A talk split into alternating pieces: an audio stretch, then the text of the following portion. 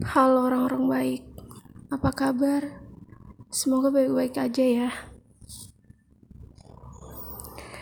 Ada yang berubah belakangan ini.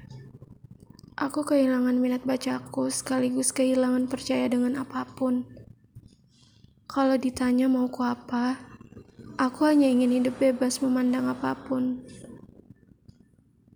Bebas melihat apa pun, bebas mendengar apa pun, termasuk kebebasan untuk merdeka atas diriku sendiri.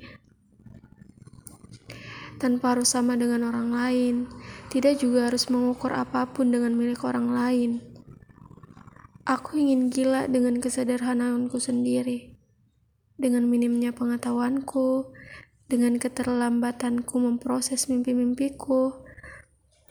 Iya, mimpi kecilku. Sesederhana ingin makan es krim sambil liatin senja. Sesederhana makan gado-gado buatan bapak gerobak di dekat rumahku. Sesederhana dengerin adekku cerita tentang mimpinya semalam atau kejadian lucu saat di kampusnya. Sesederhana menonton Secret Number di YouTube.